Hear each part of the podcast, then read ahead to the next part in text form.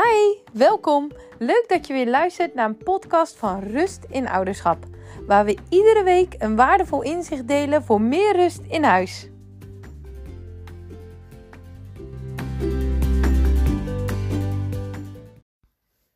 Leuk dat je weer luistert. In deze podcast wil ik het met jou hebben over het ouderschap. Want het ouderschap voelt soms gewoon echt zwaar. Want het is ook zwaar. En dat is niet omdat jij iets verkeerd doet.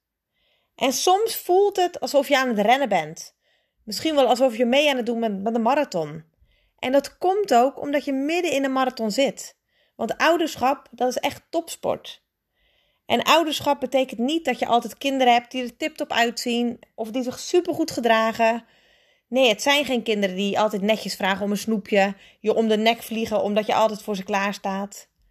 Voor mij is ouderschap in ieder geval kinderen die rondrennen, die niet altijd luisteren, die gillen, die ruzie maken. En ja, dat is soms heel vermoeiend en het put je soms ook uit. En ja, er zijn ook zeker momenten dat het fantastisch is, waarop je eindeloos geduld hebt, je de aanpak die je bedacht hebt vol kunt houden en dat het ouderschap goed voelt. En er zijn ook echt momenten waarop het ouderschap zwaar voelt. En weet dat je niet de enige bent. En weet ook dat goede ouders de uren aftellen totdat het bedtijd is. En je eindelijk even rustig op die bank kan zitten. En ook goede ouders brengen hun kinderen nog op de valreep met nog pasta en tandpasta op de mond naar school. En goede ouders laten hun kinderen in de ochtend ook wel eens een filmpje kijken om zelf nog even te kunnen slapen. En ja, ook goede ouders geven soms boterhammen als avondeten. En ja, ook goede ouders hebben soms rommelige huizen.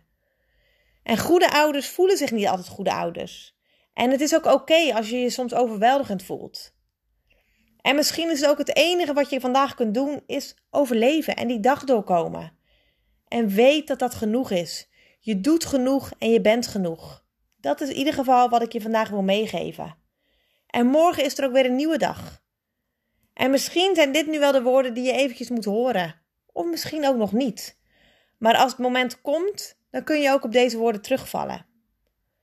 En ja, het ouderschapgedoe is soms ook gewoon moeilijk. Maar het wordt je wel een beetje makkelijker gemaakt als je weet dat je niet alleen bent.